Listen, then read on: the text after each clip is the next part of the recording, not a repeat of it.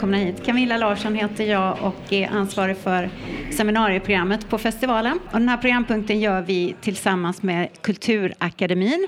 Och det ska handla om en alldeles ny bok. Den kom från tryckeriet eh, typ i förrgår. Ravinen av Lisa Olin. Handlar om filmbranschen. Spännande saker om den.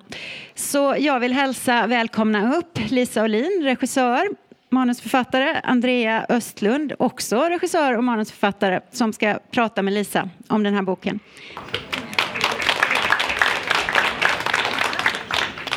Jag tänker att det väldigt mycket handlar om den senaste långfilmen du har gjort som på engelska har fått titeln Walk with me. Och väldigt mycket handlade om motstånd och kamp. Och det var kvinna kontra man, svensk kontra dansk, regissör kontra producent, regissör kontra manusförfattare, regissör kontra distributör, kreatör kontra ekonomiskt system, svag kontra stark genre, och jag vet inte hur man kontrar, men genre som definition överhuvudtaget.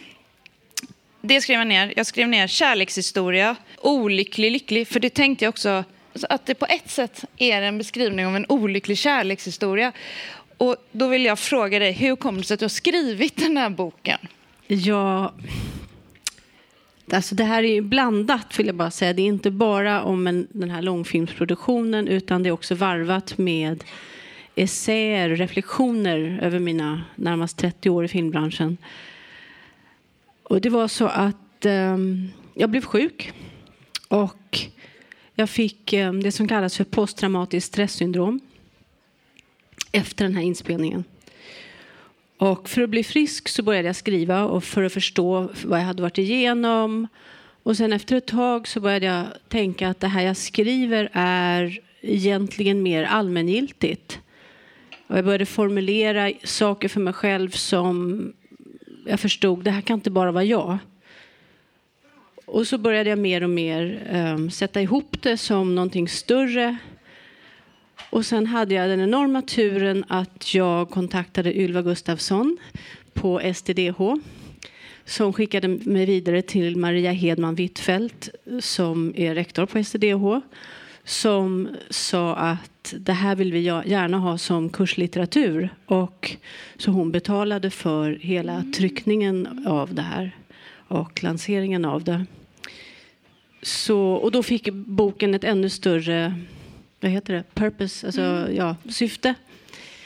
När jag läste den så var det, det kokade nästan i min skalle för det var så många olika nivåer som vi skulle kunna ha det här samtalet om. Eh, och då pratade vi om att vi skulle ha en del som handlar om det här med att vara kvinna i en väldigt patriarkal struktur. Och den andra delen handlar kanske mer om att vara kreatör i ett ekonomiskt system. Så jag har ett, en, en text här ur din bok som jag tänkte att du skulle få läsa för oss. Och den, nu ska vi se, det är den där första lappen där. De är så nya böckerna så man måste liksom misshandla dem lite. Den dubbla standarden. Mitt ledarskap omgärdas av helt andra förväntningar än mannens. Alla studier påvisar samma sak.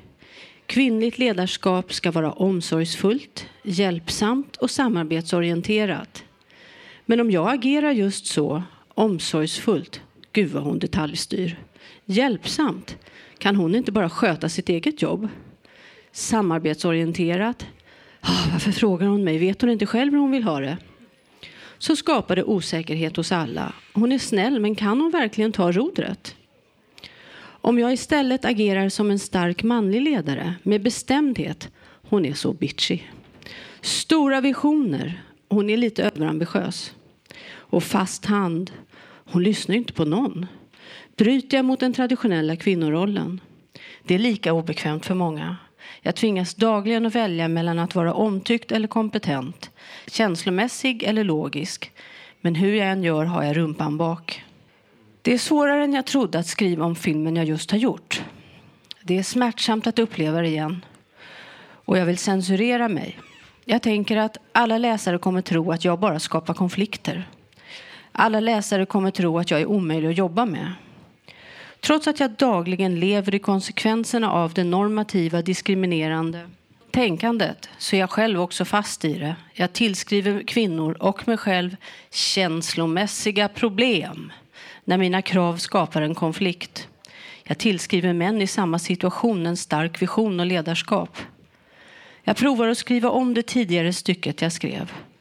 Mikael, regissören, vill också skriva sista versionen själv när alla platser och karaktärer finns och bildlösningarna börjar komma fram. Författaren vägrar att godta det. Mikael vill ta in en ny författare men producenten säger nej. Kommer att lägga ned filmen om man insisterar på det. Oh, vad skönt, nu känns det genast bättre. En stark, tydlig ledare som inte är rädd för att ta tag i problemen och som har rimliga krav.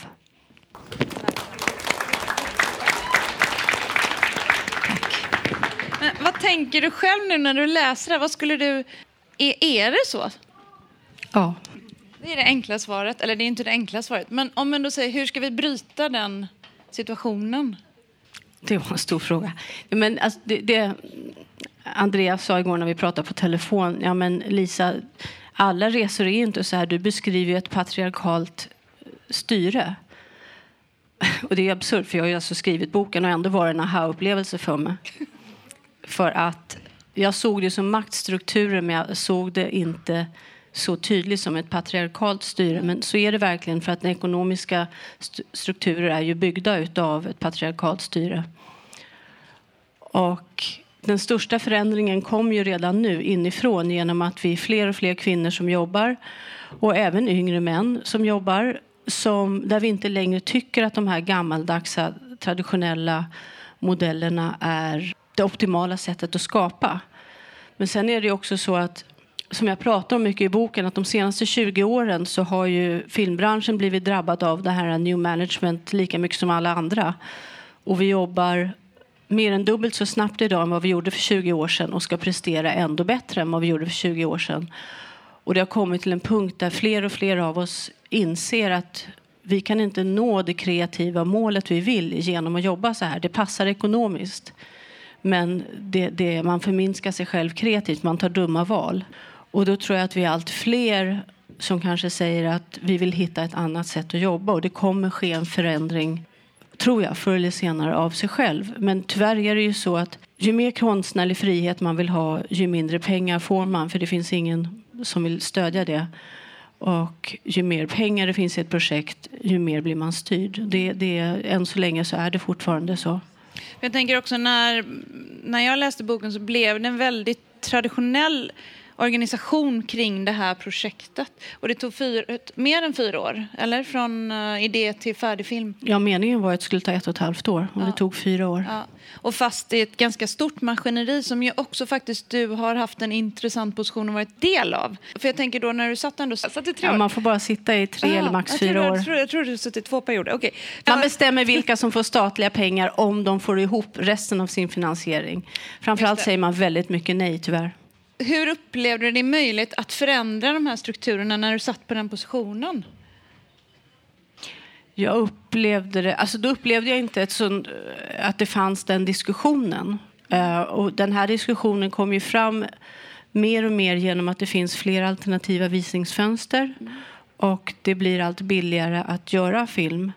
Men det är också så att de här traditionella strukturerna bygger ju på att alla ska få betalt när de jobbar. Och det som gör mig så arg är att när man vill jobba otraditionellt så kommer hela det här, ja men du ska vara glad för att du, blir att du är konstnär och så ska alla börja jobba gratis. Mm.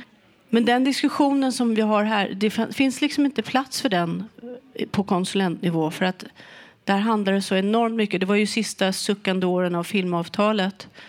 Och det var ju konstant diskussion. Ja, för som oss som konsulenter så ville vi införa 50-50 och, och, och, det fick vi inte.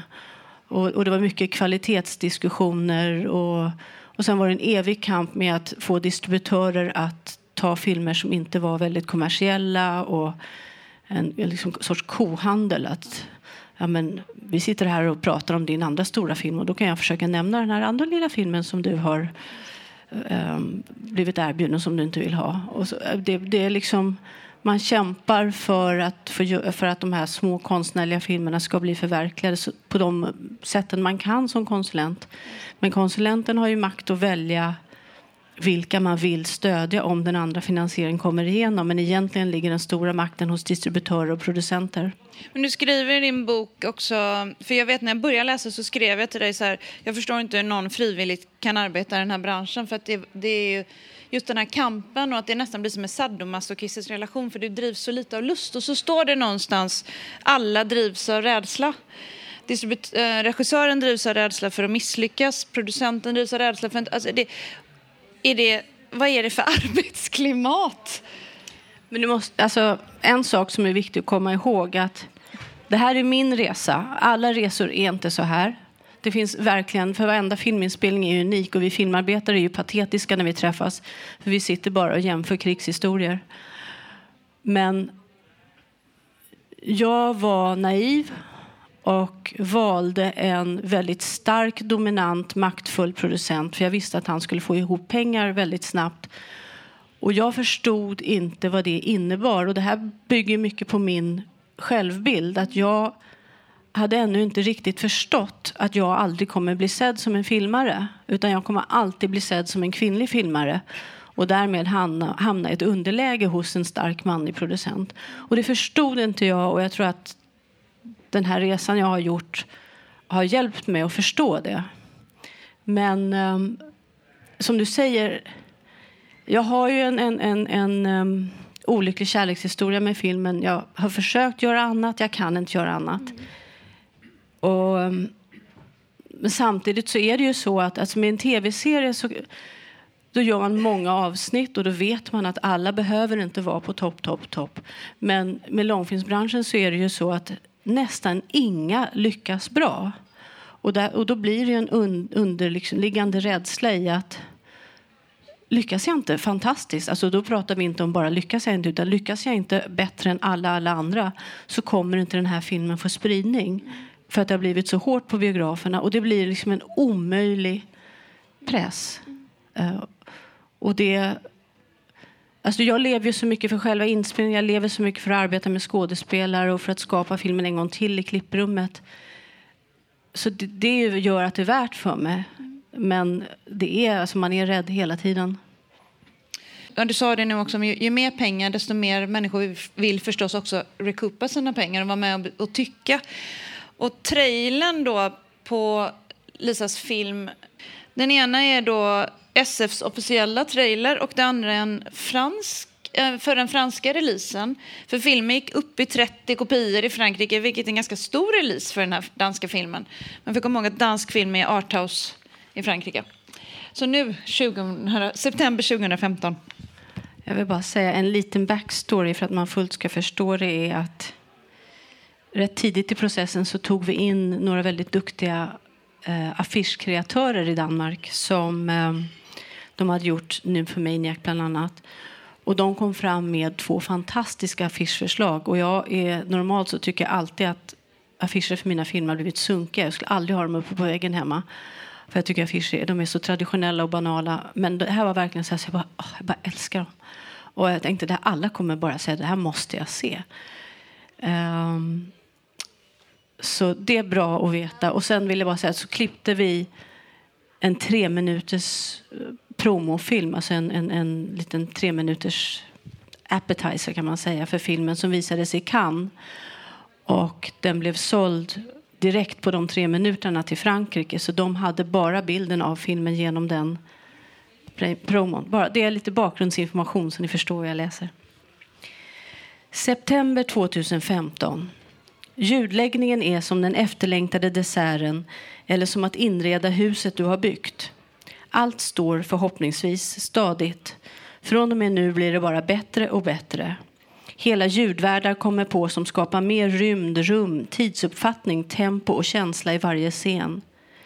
Ljudmänniskor är som hypersensitiva känslobarometrar som lägger lager på lager av exakta detaljer som tillsammans bygger upp en värld. Den rätta klockan som tickar hunden som skäller i bakgrunden, damen som trippar fram, bilen som far förbi eller ska det vara en buss? Det skrapande odefinierbara ljudet tillsammans med vissel från en gammal tekanna skapar den oro vi vill få fram. Dåliga repliker görs om, saknade repliker hittas på. Ljudläggaren är dansk och han tycker mycket om att prata om manligt och kvinnligt. Han säger att han sätter på sig olika öron beroende på om han jobbar med en man eller en kvinna. Män pratar om vilken teknik de vill använda för att få fram ljudet de eftersträvar. Kvinnor pratar om vilken känsla de vill uppnå, säger han. Två olika sätt att kommunicera kring samma sak. Det ena är inte nödvändigtvis bättre än det andra. Det är hans upplevelse och jag ifrågasätter den inte. Men det blir lite som att slå in öppna dörrar när jag ber honom att komprimera ljudet och han blir djupt imponerad. En kvinna som vet vad komprimera är. Efter dagens slut säger han spontant det är fan med sällan man arbetar med en kvinna som vet vad hon snackar om och vad hon vill. Är det en komplimang? Det är bäst jag slickar i mig i så fall. Men vänta, vad är det han säger?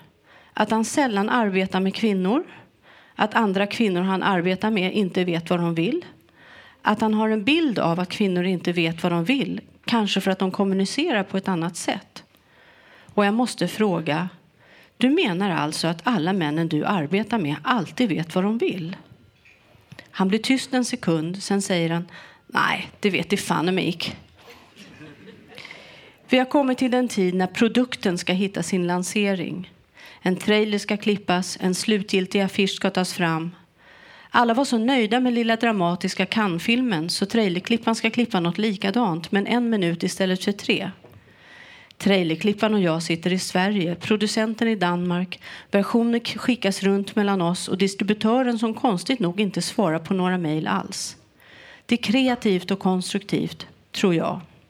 Plötsligt, utan förvarning, skriver producenten till alla inblandade, inklusive distributören, att jag inte får fortsätta. Det här ska trailerklipparen göra utan min inblandning. Jag som filmens regissör är alltför känslomässigt inblandad. Jag vet inte hur man säljer en film och jag tycker för mycket. Trailerklipparen kommer till mitt försvar. Han har inga problem med mina åsikter. Ja, nåja, det kanske var lite förhastat, mumlar producenten och vi tar sen fram en trailer som alla tycker är den bästa hittills. Men skadan är skedd. Distributören tycker nu också att jag är en besvärlig typ och nu gör han en helomvändning. De två filmerna med krigstema har nämligen inte gått så bra. Det var två filmer som kom innan min i Danmark. Att en av dem har vunnit priser och redan blivit Danmarks, Danmarks Oscarsval och den andra blir det nästa år är helt oväsentligt. Att de är helt andra historier med mycket allvarligare ton och slut är också ovid, ovidkommande. Folk vill inte se filmen om krig. Därför beslutar distributören att vi ska lansera den som en kärleksfilm. Inga krigsbilder, inga benstumpar, inget mörker. Men det är ju inte bara en kärleksfilm, invänder vän av ordning, jag. Det påstår inte bara jag, utan även testpubliken. Det spelar ingen roll. Det är en fantastisk film. Alla kommer älska den när de väl har sett den. Men vi ska lura in dem i bion, säger distributören. Lura in publik? Jag vet inte mycket om reklam, men det lilla jag vet är att man inte ska påstå att något är det den inte är. Det bäddar för besvikelse. Vad ska vi berätta för pressen? Den viktiga historien är ju att det här delvis är baserat på många danska soldaters liv. Vi berättar ju en humanistisk historia om hjälteglorians pris. Och hur ska vi undgå att berätta att det här handlar om en skadad och traumatiserad soldat? Recensenterna kommer ju skriva om det. Vi har en karismatisk amputerad soldat som alla kommer vilja intervjua. Du måste lita på oss, säger distributören. Om vi lurar in publiken så kommer de att älska filmen. När distributören tar fram affischexempel på vad de tänker sig är min panik total. Smöriga amerikanska filmer om lyckliga par som vandrar i parken med höstlöv bakom sig. Jag vädjar till dem, ber dem se på våra tidigare affischförslag men de är helt ointresserade. Det där säljer bara till en liten klick cineaster, säger de, kanske 30 000. Vi vill nå brett, minst 70 000. Då ska det se ut så här. Vi klipper fler trailerförslag. Nya bud kommer tillbaka från distributören. Allt vi gör är för allvarligt. Inget blod, krig eller soldater. Inga proteser får visas. En stump en gång kanske. Mer humor, mer utomhus och ljus. Trailern ska klara sju års censur för att kunna visas före alla filmer. Även producenten är lite kluven till deras förslag som går så emot våra egna idéer och filmen. Men han opponerar sig inte och jag funderar på om han också har så lite makt i frågan eller om han litar på deras kunskap och auktoritet. Jag märker hur jag själv slits mellan att vilja göra revolt och rädslan för att göra en film som ingen vill se. Rädslan för att vara besvärlig ligger dessutom som ett järnband runt mig. Varje mejl jag skriver stinker av management, positivitet och hamburgarmetoden. Bröd, kött, bröd, komplimang, kritik, komplimang. Jag vet att de bara väntar på en orsak att sparka ut mig ur samtalet. Producenten presenterar plötsligt en trailer som han har låtit klippa på egen hand med en egen klippare. Den är fin men lyckas inte vara så mycket mer positiv än de vi redan har gjort. Och sen går allt i stå för alla slåss istället om affischen. Det första förslaget som kommer ut ser ut som en korsning mellan en film av den tyska nazistfilmaren Leni Riefenstahl och Bill August. Två retuscherade människor i en perfekt komposition i en allé där solen badar ner och deras ansikten är upplysta av ett änglaljus. Den är så långt från filmen jag har gjort i flera år att jag blir helt förstummad. När jag kommer till sans börjar den långa kampen om att övertyga om en ny idé. Mina förslag bemöts vänligt, men nej, de är för smala och min film ska nå brett. Då måste det vara ljust och vackert och kärlek. Jag börjar tvivla på mitt eget omdöme. Kanske har de rätt. Kanske vet jag ingenting om hur man säljer en film. Jag bjuds ner till ett möte med distributören. Vi har mötts ett par gånger förr. Varje gång har han presenterat sig för mig eftersom han inte kände igen mig. Han är en människa som lyssnar en halv mening och sen vänder sig bort om det man säger inte är tillräckligt intressant. Det är en effektiv metod. Man hamnar ofelbart i ett underläge. Han gillar också hamburgarmetoden. Det finns ingen hejd på hur bra min film är och hur många som kommer vilja se den. Men som sagt, de vill inte se något mörkt, de måste luras in. Jag ifrågasätter det. Han förklarar vänligt vilken tur det är att jag är så bra på mitt jobb. Men han är bra på det här. Vi skulle ha ett öppet möte men det blir uppenbart att syftet är att komma överens om att deras affischidé är bäst. Jag måste snabbt välja mina strider. Hur kan jag rädda den? Jag pratar om hur en bild måste konkurrera med andra, hur den kan väcka intresse, hur det måste finnas en motsättning i den. Motsättning? Där såg jag att han blev intresserad en kort sekund. Jag jobbar vidare på det och lyckas få in en rullstol i bilden, bakom skådespelarna. Och jag lyckas få bort Riefenstahl-känslan av tysk perfektion. Men längre kom jag inte. Under de följande veckorna arbetar jag hårt för att få in känslan av filmen, de vackra blåa färgerna och tar bort änglaljuset runt skådespelarna. Distributören är enig, säger han. Men sen gör de en publiktest igen. De ger publiken några mer udda förslag och bilden med det gula ljuset och glorian. Det blå ljuset visas aldrig. Och publiken väljer den allra sötaste affischen med det gula ljuset och en liten, liten rullstol. Och då är det avgjort. Det är banalt, intetsägande. Vi har alla bläddrat förbi hundratals liknande i videobutikerna. Och det är missledande. Men publiken har valt och jag hoppas innerligt att de vet allt som jag inte förstår.